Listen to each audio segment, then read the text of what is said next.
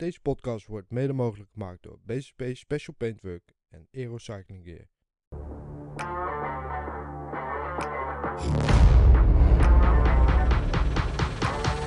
Tries to get the inside, gets that inside line. Van der Poel's got the front. never ever seen anything like this in my. This is incredible. In and it's Marijn van den Berg.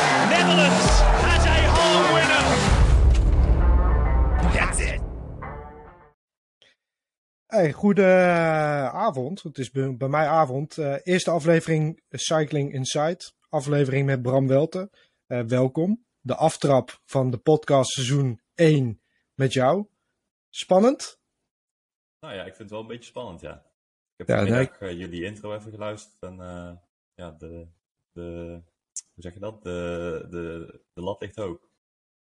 Ja, we hebben ons goed voorbereid. Dus eh nou, Lars die, eh, die zit niet in Spanje dit keer, maar die is in Frankrijk. Ja, klopt. De mensen die dit op YouTube kijken, die zien dat ik weer in een heel droevig eh, afwerkhotel lig.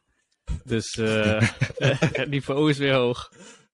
Heb je ook een spiegel aan het plafond of dat niet?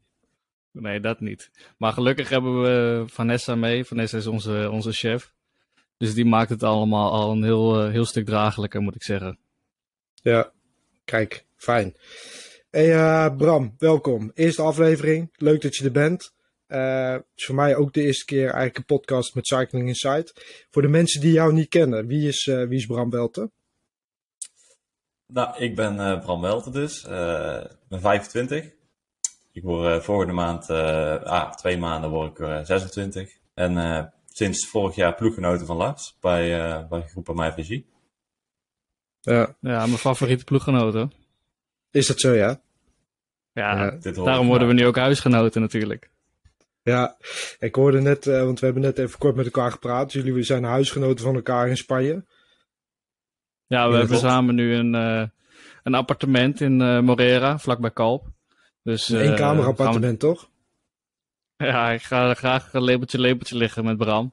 Maar eh, hij liever niet met mij. Dus uiteindelijk is het toch een eh driekamer appartement geworden. Nou, we moeten alleen nog even steenpapier schaduwen wie de master bedroom krijgt. Daar hebben we het nog niet over gehad. Ja. Ja, daar moeten we het nog eventjes over hebben inderdaad. Maar dat doen we na de uitzending wel eventjes. ja. Hey, leuk. Hey Bram, ik heb, eh, ik heb me een beetje verdiept in jou. Want Lars die kent jou, die kent jou persoonlijk. Die, eh, die fietst met jou, die ligt waarschijnlijk ook met jou op de hotelkamer. Nou, je deed een appartement. Ik eh, ben erachter gekomen dat jij eh, 25 bent. Dat je uit een sportief wielerfamilie komt. En toen ik Bram Welten intikte, wat denk je dat er allemaal achter als suggestie kwam bij Google? Ik denk ehm, dat ik misschien bij de junioren Parijs-Roubaix heb gewonnen. Nee, nee. Die stond wel ergens in het rijtje, ho- hoogstwaarschijnlijk. Maar ja, op een gegeven moment, eh, ik vind het altijd wel leuk, want ja, je fietst. Dus dan ga ik altijd iets verder kijken. Dus dan, eh, nee, Instagram kwam voorbij. Dus ik heb even op je Instagram gekeken. Zag veel, eh, veel foto's op een fiets. Dus kon wel raden eigenlijk wat je het liefst doet. Ehm, maar ook vriendin. Dus daar kon ik geen foto's over vinden. Dus ik was eigenlijk wel even benieuwd, Bram. Je bent 25 jaar. Heb jij een vriendin? Ik ben echt, nee, ik ben zo vrijgezel als me zijn kan. Ja, echt waar? Ja, ik ben eh, nog steeds vrijgezel, ja. Oké. Dus voor de vrouwelijke luisteraars onder ons, die naar dit programma aan het luisteren zijn of op YouTube kijken naar Brams Vrijgezel.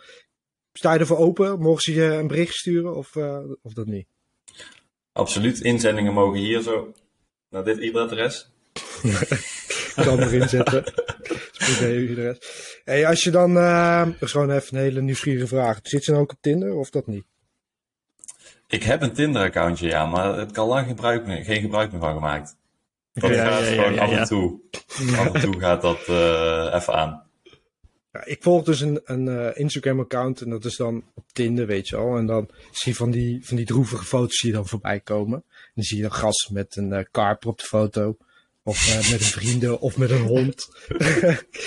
Hoe, eh, wat is jouw eerste foto van je Tinder-account? Hey, volgens mij, eh, als ik hem inlog, dan ben ik gewoon met mijn Facebook-account ingelogd. Dus eh, ook daar zit ik niet, niet veel meer op op Facebook. Dus volgens mij is het gewoon een hele standaard profielfoto. Dus je staat niet met je fiets of met je hond, of ik weet niet of je huisdieren hebt, maar... Met zijn om, karper. Nee, nou, eh, over huisdieren gesproken. Ik eh, ging naar jullie toe en toen liep ik door de tuin heen. Maar ik heb een, eh, een ongelooflijk grote mol in de tuin zitten momenteel. ja. Dus ik moet nog even een klemmetje, een klemmetje zoeken om hem, eh, om hem de tuin uit te wijzen. ja, je hebt flink wat molshoop Ja, in naar de tuin. hemelpoort. Ja, ja, de hemelen.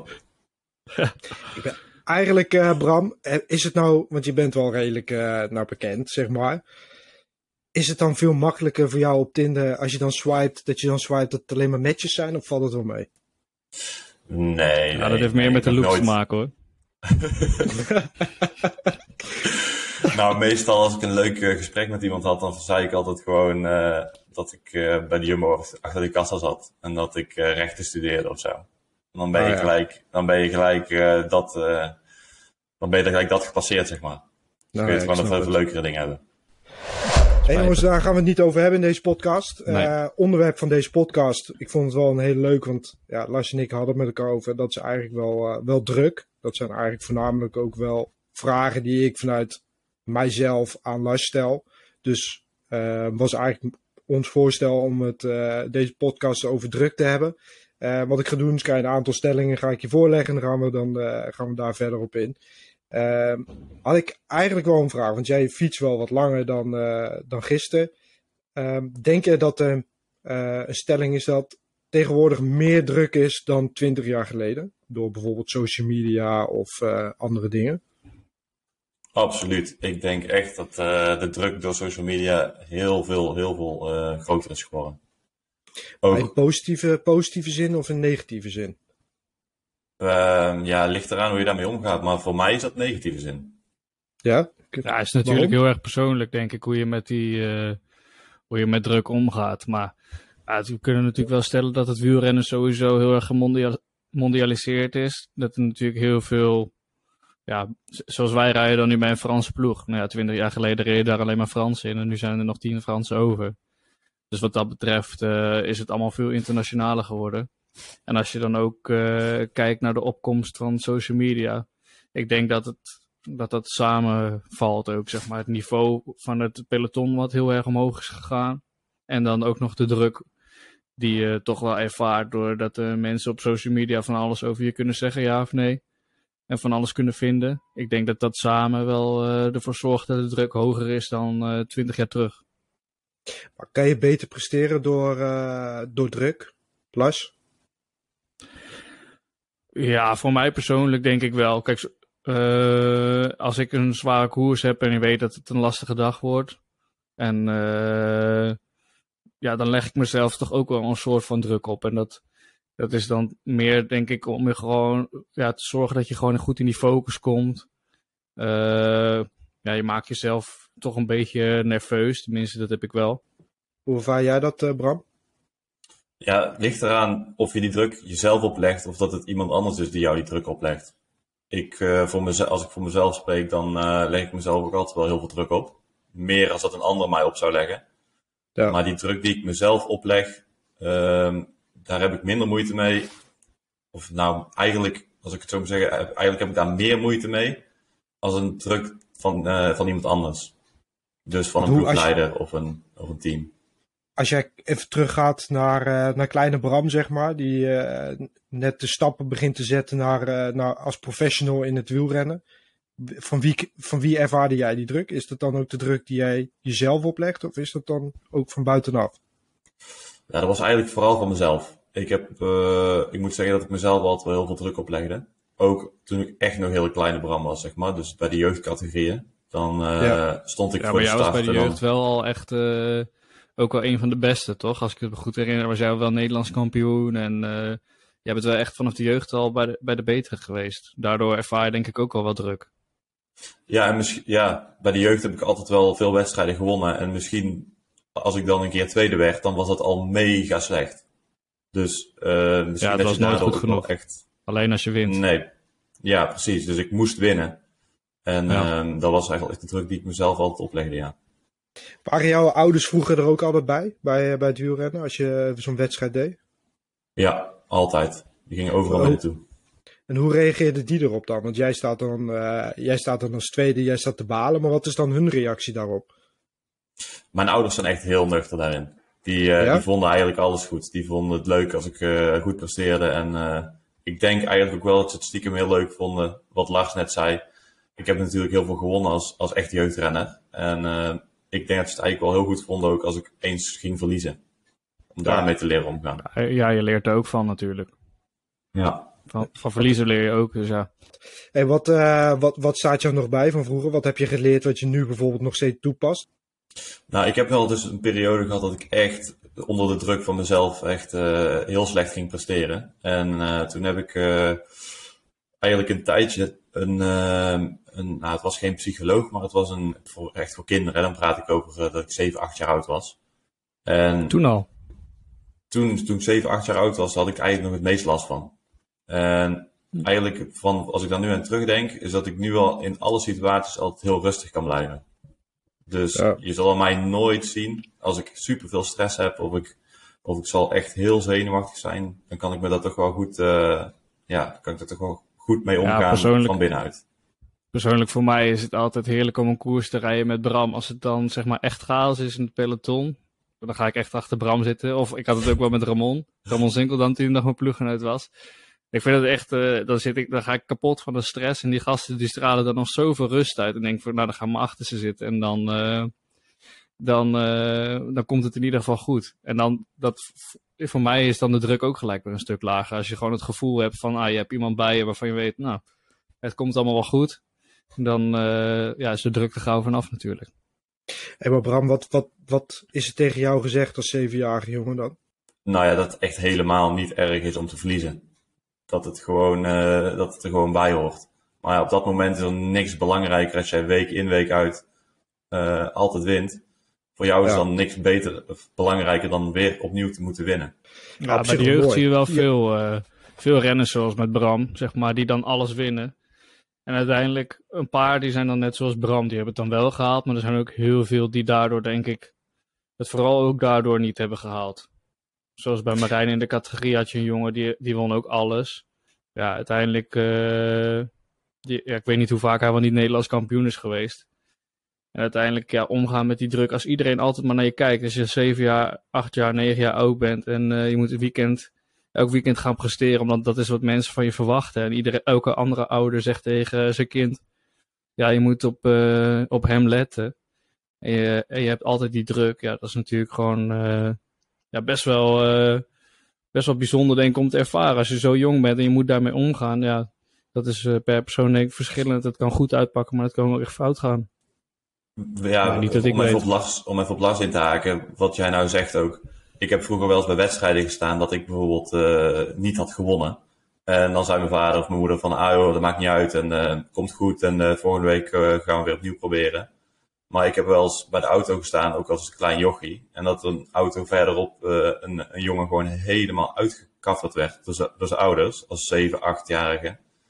Dat ik echt daar echt mijn mond open stond van wow. Dus ja, zo kan het ook, weet je wel. En er zijn dus ook, wat jij net ook zegt, er zijn ook jongens die dan alles winnen, maar ook nooit goed genoeg is ehm, van hun ouders uit. Dus die ouders leggen ook enorm veel druk op, op zo'n jonge gast. En ik denk ook wel dat je op latere leeftijd, op een gegeven moment krijg je feestjes, een universiteit of school of whatever. Ik denk wel dat je op een gegeven moment eh, een eigen mening krijgt en dat je dan zoiets hebt van, eh pa, maar ik vind het mooi geweest. Ik ga nou even eh, voor mijn eigen kiezen. Ja, zoek het Ja. maar uit. Ja, Ja, ik denk dat er best wel veel gebeurt hoor. Dat zijn denk ik ook de jongens die, eh, die het nooit ha of die het niet halen. Omdat die misschien het plezier in, het, in, een- in hun hobby verliezen. En hoe is die begeleiding nu ten opzichte van, eh noemen we even tien jaar terug? Vanuit een ploeg of vanuit... eh, Ja, de- ja, voor die jonge kinderen is er natuurlijk geen beleiding, begeleiding. Dat zijn gewoon je ouders die met jou eh, naar een wedstrijdje toe gaan. En het is natuurlijk, eh, het ligt aan die ouders hoe ze zich gedragen, ja of nee. Ja, ik heb die druk nooit ervaren, maar ja, je weet wel, ik heb wel gezien dat er heel veel ouders zijn die zich eh, niet kunnen gedragen en die helemaal Ja. gek staan te worden langs de kant. Maar ja, dat heb je bij het voetbal, voetbal ook, dat de vaders naar de Ja. scheidsrechter staan te schreeuwen bij een, bij een voetbalwedstrijd van een jochies van acht jaar. Helaas is het nog steeds wel zo, ja. Hé, maar Bram, jij bent iets ouder dan in, in zo'n ploeg. Er komt een jonge jongen vanuit de beloftes, die stroomt door. Vang jij zo'n jongen dan op? Of, uh, of geef jij hem dingen mee? Of in jouw voorbereiding hoe je dingen aanpakt? Nou, ik moet eigenlijk zeggen dat ik nog niet echt het gevoel heb dat ik zo'n rol heb of zo. Ik uh, ben zelf ja, best vroeg prof geworden. Ik was 19. Uh, ik had wel, wel met oudere renners die dat bij mij deden. Maar ik moet zeggen, ook de renners die nou overkomen van de, van de belofte, dat zijn echt al, die zijn al veel verder als dat toen ik prof werd. Die zijn al echt heel goed begeleid van misschien zelfs toen ze al junior waren en dan belofte. En die worden ook best goed prof. Maar dat zijn echt al, ik zou, ik zou niet zeggen doorgewinterde profs, maar dat zijn wel al, uh, al veel volwassenere ja, gasten als dat, uh, dat toen ik prof werd. Ja, die gasten, die gasten die nu uh, junioren zijn, die leven allemaal als profs, die worden al op die manier begeleid. En uh, dat is nu wel heel anders dan dat het bij, uh, dat het bij ons al was. Maar waar zit dat verschil in dan, als jullie daar een antwoord op moeten geven? Nou ja, ze rijden allemaal met uh, vermogensmeters, ze worden gewoon veel meer gecontroleerd.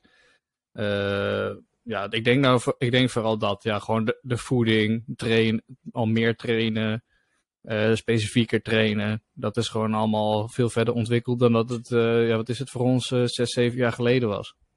Ja, ja, ik denk wel dat ze dezelfde info krijgen, alleen die krijgen ze vijf jaar eerder dan dat wij die kregen. Ja. Ja. ja. Als ik dan stelling 2 er nu ingooi, door druk zullen carrières eerder eindigen. Wat is jullie mening daarin dan? Ik denk wel, zeg maar, op jonge leeftijd dat er heel veel carrières eindigen door druk. Maar op het moment dat je goed met die druk om kan gaan, denk ik dat, uh, dat je er alleen maar beter van wordt. Ja, ja ik, uh, ja, ik weet het niet zo goed. Ik heb wel, uh, ook nu met onze ploeggenoot Thibaut Pinot dan. Die is, wat is die, 32 of zo. Die stopt aan het eind van het jaar. En je hebt natuurlijk dan Peter Sagan die nu gaat stoppen. Je had Dumoulin die dan nu gestopt is vorig jaar. Ik, ik zeg niet dat het allemaal van druk uit. Maar ja, toch een soort druk van hunzelf. Ze hebben de laatste twee, drie jaar dan misschien niet het niveau gehaald. Wat ze zelf dan uh, willen of wat ze voor ogen hebben. Toch ook denk ik misschien wat druk van de buitenwereld. Ik wil niet te veel uh, ja, voor, voor hun praten natuurlijk. Maar ja, het is wel opvallend dat, dat die op redelijk vroege leeftijd. Uh, dat de drie toppers nu al zeggen van ja, ik ben er klaar mee, ik kap ermee. Ik denk inderdaad ook niet meer dat je carrières gaat hebben, net zoals die van Valverde en van Gruipel, die tot hun 38ste of 39ste, of Valverde zelfs 40 volgens mij. Die, die tijd is wel voorbij. Maar ook, ook inderdaad wel door die social media denk ik uh, dat er gewoon heel veel druk, uh, ja, dru ja, je ook heel maar ook omdat... toegankelijk bent. Om, uh, vroeger was je natuurlijk op de wedstrijden en alleen maar daar kon je benaderd worden. Maar nu word je eigenlijk gewoon 24-7 benaderd door ja, voor die gasten, journalisten en, uh, ja. en mensen. Want die druk, die druk kan natuurlijk ook vanuit de media komen. Ja, bij ons valt de media, of tenminste als ik voor mezelf spreek, ik, ik heb daar natuurlijk niet, ik ben niet geen, uh, geen wereldtopper. Maar uh, nou ja, vanuit media heb ik niet heel veel, uh, niet heel veel mee te maken. Maar ja, ja ik denk toch, toch meer dan social media dan zeg maar echt media. Dat is natuurlijk best wel ja, afgeschermd. Of je management zegt van ja, wil je een interview doen? Of ja, dat is veel meer vrijblijvend, denk ik, dan dat social media is gewoon 24-7 natuurlijk. Ik ja. denk wel dat het voor Lars en mij een beetje hetzelfde is. Uh, ja, als wij bijvoorbeeld op trainingskamp zijn, dan hebben we getraind en wij gaan lekker op bed liggen en we gaan rusten. Of we hebben een massage. Maar als je een echte wereldtopper bent, dan wordt de planning voor jou bepaald. Dan ben je klaar met trainen en dan mag je vervolgens nog eens twee uur foto's gaan maken en dan nog een uur uh, met journalisten praten. En dan ben je uiteindelijk blij om negen uur s'avonds even een keer in je bed ligt. Dus je wordt eigenlijk ja. veel meer geleefd. Ja. In dat opzicht. Dat als, je die, als je dan nu voor jezelf de uh, aankomende vijf jaar mag uitstippelen, wat zou je dan liever zijn? Zou je zo'n wereldtop zijn? Of zou je nu gewoon, hoe je, hoe je het nu hebt, ook daar vrede mee hebben? Nou, qua prestaties zou ik, uh, zou ik er wel voor willen tekenen, ja. Maar ik denk niet dat je altijd heel vrolijk wordt van, uh, van de planningen die die man hebben. Nee, nee want, oké. Okay. Hey, want uh, je benoemt net social media. Ik had hem als derde stelling ook erbij staan. Dus ik gooi hem er iets eerder in als, als gepland. Maar social media zorgt voor die extra druk. Dus het is Hè, vroeger had je de geschreven media, dus noem even de, de gerenommeerde kranten, et cetera. Maar je hebt natuurlijk ook nu heel veel thuisjournalisten. Noem even, eh, als jij iets post op eh, Instagram, dat je daar negatieve reacties onder krijgt. Of eh, eh, lees jij ze? Nou, als ik Ja. voor mezelf spreek. Ja, zeg Als ik voor, als ik voor mezelf spreek, dan, eh, ik moet zeggen, ik heb geen, eh, geen de 100.000 volgers of zo. Het zijn vaak eh, meer mensen die ik gewoon echt goed ken. Dus echt met negatieve reacties of zo, eh, daar heb ik nooit, eh, nooit mee te maken. Maar eh, ik ben er ook eigenlijk niet meer zoveel mee bezig, moet ik zeggen. Ik heb eh, behoorlijk wat, eh, wat dingen verwijderd, gewoon omdat het me echt niet boeide. Eh, ook eh, ja, als je dat onder de social media mag rekenen, eh, net Strava. Ik, eh, ik zet daar ook niks meer op en ik kijk er ook niet meer op. Puur omdat het, ja, het boeit me niet. En eh, als ik toch zie, ook al zeg je dat het je niks doet, maar als je toch ziet dat je zelf eh, drie uur getraind hebt en iemand anders heeft er vijf getraind, dan ga je toch bij jezelf denken van, hmm, doe ik het wel goed? Ja, Ja, dat heb ik ook in de winter, omdat wij natuurlijk vaak eh, ja, toch best wel lang rust houden in de winter. Bij de Franse ploegen is dat heel normaal. Bij andere ploegen doen ze het echt veel korter. En dan zie je die gasten allemaal, al- allemaal alweer op de fiets zitten. En denk denk ook wel van, ja, eigenlijk eh, moet ook op de fiets zitten. Maar daarom kijk ik, heb het toen wel met Bram over gehad in de winter. eh, ja, laat ik dat er gewoon allemaal gaan. Dan kijk ik er niet naar. Dan doe ik gewoon mijn dingen en dan ben ik gewoon op vakantie natuurlijk. Dus eh, ja, dan probeer ik dat wel los te laten. Maar Bram heeft daar wel een punt. Kunnen jullie genieten op dit moment? Want vaak hoor je sporters die dan zeggen, ja, nadat ik gestopt ben, ben ik pas echt gaan genieten van al de dingen die ik heb gedaan. Sommige wedstrijden eh, z- zit ik wel te denken van ja, wat ben ik hier nou allemaal aan het doen? Kijk, als ik zo eh, de afgelopen winter lekker in Spanje heb getraind en ben met de ploegen, met die gasten, dan eh, heb ik het echt wel, dan geniet ik er wel echt van. Dan denk ik ook van ja, ik had ook nu een kantoorbaan kunnen hebben. Met alle respect natuurlijk. Maar Niks mis mee is, eh, trouwens. Maar, nee, dan, daarom. Maar eh, als ik dan lekker op, eh, als ik vier uurtjes heb getraind, ik zit daarna op een balkonnetje in de zon in Spanje, dan eh, heb ik niks te klagen natuurlijk. maar als ik dan op een gegeven eh, ja, weer in Frankrijk ben en ik zit mijn leven in de waarschaal te gooien voor een wedstrijd die aan het eind van het jaar niemand zich herinnert. Ja, dan denk ik soms wel, wat ben ik hier nou aan het doen? En jij, eh Bram, heb jij hetzelfde? Sta je er met hetzelfde in? Of eh, ik ben wel, daar ben ik ook nog benieuwd naar. Ja, ik moet wel zeggen, ik heb wel vaak zo'n moment dat ik even besef van, hey, eh, uiteindelijk zijn er heel veel jongens die eh, natuurlijk een droom hebben om profielrenner te worden.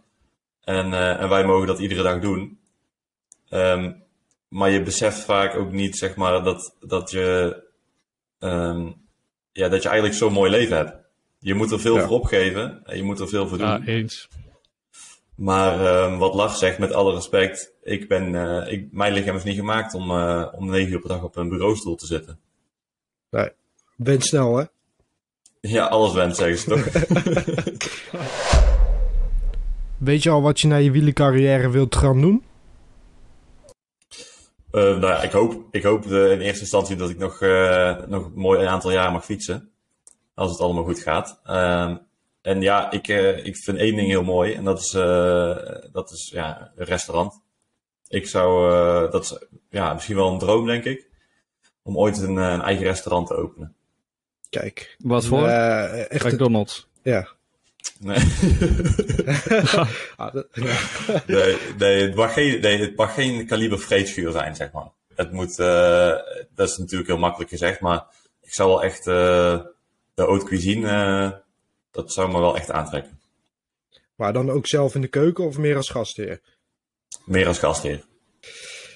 Hé jongens, ehm, ik hoor nu een geluidje en dat is van een reclamekaravaan. Dus ik wil dan tijdens deze podcast ook eventjes gebruik maken om ongegeneerd te, te influencen. Ehm, nou ja, de reclamekaravaan. Nu had ik de vorige keer had ik dus een kopje koffie van de koffie eh, en theewinkel.nl. En Oh, Lars oh, oh. stuurde mij Ik naar ben, op de, ik ben op de vingers getikt. Het is koffie-theewinkel. .nl. Nou, sorry, ik heb het dan verkeerd doorgekregen. Maar koffietheewinkel.nl. Maar ja, ik kreeg dus daarna een bericht van Lars die zegt... joh, het is wel leuk dat, jij, dat je koffie drinkt. Maar ik drink ook altijd koffie. Dus kan je mij eh, wat koffie toesturen? Heb ik nu gedaan. Wat doet hij? Gaat hij naar Frankrijk? Dus nu heb ik deze geprobeerd voor de, ja, voor de luisteraars. Arabica koffie van koffietheewinkel.nl. Deze is echt, echt heel lekker. Dus aanraden. Lars, als je weer in Spanje bent, en voor jou ook eh, Bram, dan ligt er een, eh, een zakje klaar om, eh, om lekker koffie te drinken. Oh ja, lekker hoor. Dus, Lekker. dus daarnaast, mocht je fiets door de midden zijn, hebben we nog altijd nog BCP Special Paintworks en Aerocycling Gear voor de allersnelste sokken. Dus, dus kijk op onze Instagram, volg ons, like ons en reageer eronder waarom je het wil winnen en, en wat je wil winnen. Dat is nog het meest belangrijke. Dus eh, Spotify, volgen, Instagram, YouTube, ken het allemaal. Bram, ik heb het niet aan je gevraagd. Ik hoop wel dat Lars het aan jou heeft gevraagd. Maar als het goed is, heb jij een shirtje met handtekening weg te geven, toch? Deze aflevering. Nou, ik heb, eh, ik heb zeker een shirtje met handtekening weggegeven. Heel moet goed, Wel even, heel goed. moet wel weer even diep graven in de, in de verhuisdoos. Maar die, eh, die, gaan we, wel- die gaan we wel fixen. Komt wel goed. Om het shirtje van Bram te winnen, moet je even eh, ons volgen op Instagram, Cycling Insight. Subscribe even op YouTube en volg ons op Spotify of ja, hoe jij onze podcast luistert. Reageer dan even onder onze socials eh, ja, waarom jij dit shirtje wil winnen. En wellicht ben jij de volgende winnaar. De winnaar maken wij bekend in de volgende podcast. Hey, eh, heren, hebben jullie nog wat, ja, wat zelf te melden over, over druk in de, in de sport? Nou, ik heb nog wel. eh, persoonlijk vind ik soms met de whereabouts voor de doping. Is natuurlijk ook nog wel eh, iets wat. Ja, voor mij persoonlijk komt er ook nog wel wat druk vandaan. Dat je gewoon elke dag moet opgeven. eh, waar je bent. tijdslot. En dat is iets wat ik zeker weten na mijn carrière niet ga missen. Als ik dat, dat niet meer hoef in te vullen. Ik weet niet hoe dat voor jou is, Bram. Of jij daar druk van Ja. ervaart. Maar Nou, uiteindelijk, ik voel er niet echt druk van. Uiteindelijk is het natuurlijk ook wel goed dat het, eh, dat het zo streng is. Om de sport eh, schoner te krijgen. Maar het is wel, eh, vooral met reisdagen, is het gewoon echt moeilijk om, om aan te geven waar je precies bent. En ook Ja. als je een reisdag hebt, dat je twee vluchten hebt. En vervolgens is je vlucht om, ik noem maar iets, om half zeven. En je zet je vlucht erin om half zeven. Ja, ik ga ervan uit dat iemand begrijpt dat ik dan om vijf voor half zeven niet meer op de plek ben waar ik, waar ik zeg maar geslapen heb. Even voor de niet-sporters onder ons. Jullie moeten eh, dagelijks eigenlijk doorgeven waar en hoe laat jullie zijn. Want mocht je in één keer spontaan dopingcontrole krijgen, moeten jullie ook op die plek aanwezig zijn, toch? Ja, je hebt eh, eigenlijk één sleuteluur op een dag. Dat is gewoon één uur dat je altijd op de plek moet zijn die je aangeeft. Nou, ik heb dat dan eh, bij, mijn, bij mijn overnachtingsplaats. Dus ik heb hem tussen 7 uur s ochtends en 8 uur s ochtends. Of om, tussen 7 of tussen 6 en 7. En omdat je dan altijd eh, thuis bent. Of op de plek waar je dan geslapen hebt. En omdat je altijd plassen. Ik weet niet eh, wanneer Lars een, zijn sleuteluur heeft staan. ja, van 7 tot 8 heb ik hem staan. Ook 's ochtends vroeg. Ja, en daarnaast heb je dan een, eh, een dagelijkse activiteit. En bij mij is dat eh, gewoon trainen. Dus dan heb ik meestal van, van 9 tot 4 of 9 tot 6. En, maar ook als je moet gaan reizen, dan moet je ook je vluchten en zo erin zetten. Hoe vaak mag je zo'n test missen? Ehm, ja, ik eh, geloof dat je. mij twee keer.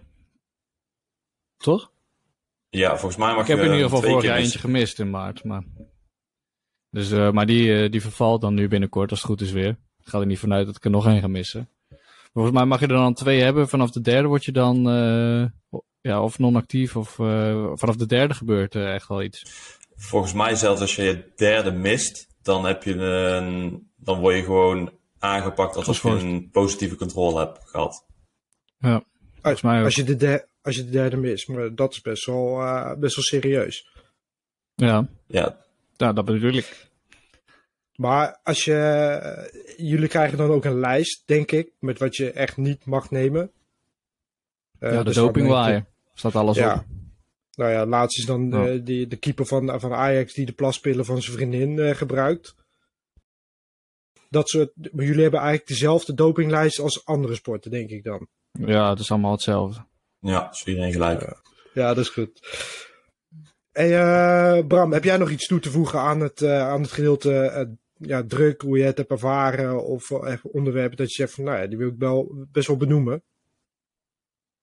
Ehm, nou, in principe niet. Ik, eh, ik vond het eigenlijk wel goed, eh, goede onderwerpen die duidelijk eh, weergeven hoe je met druk om Ja. moet gaan. Nou, mooi man. Hey, eh, Lars, we hebben nog wat dilemma's voor, eh, voor Bram. Die, Yes. eh, Oeh. ja, oeh, ja. Het spannend. Ja, ja. Wordt het spannend, hè? Ja. Bram, je mag eentje mag je skippen. Dan hoef je geen antwoord te geven. Ehm, en je mag, daarna mag je erop terugkomen waar je misschien iets meer antwoord op wil geven. Ja, nou, we gaan eh, rustig eh, beginnen. Aangezien wij natuurlijk dan eh, kamergenoten worden nu binnenkort, huisgenoten.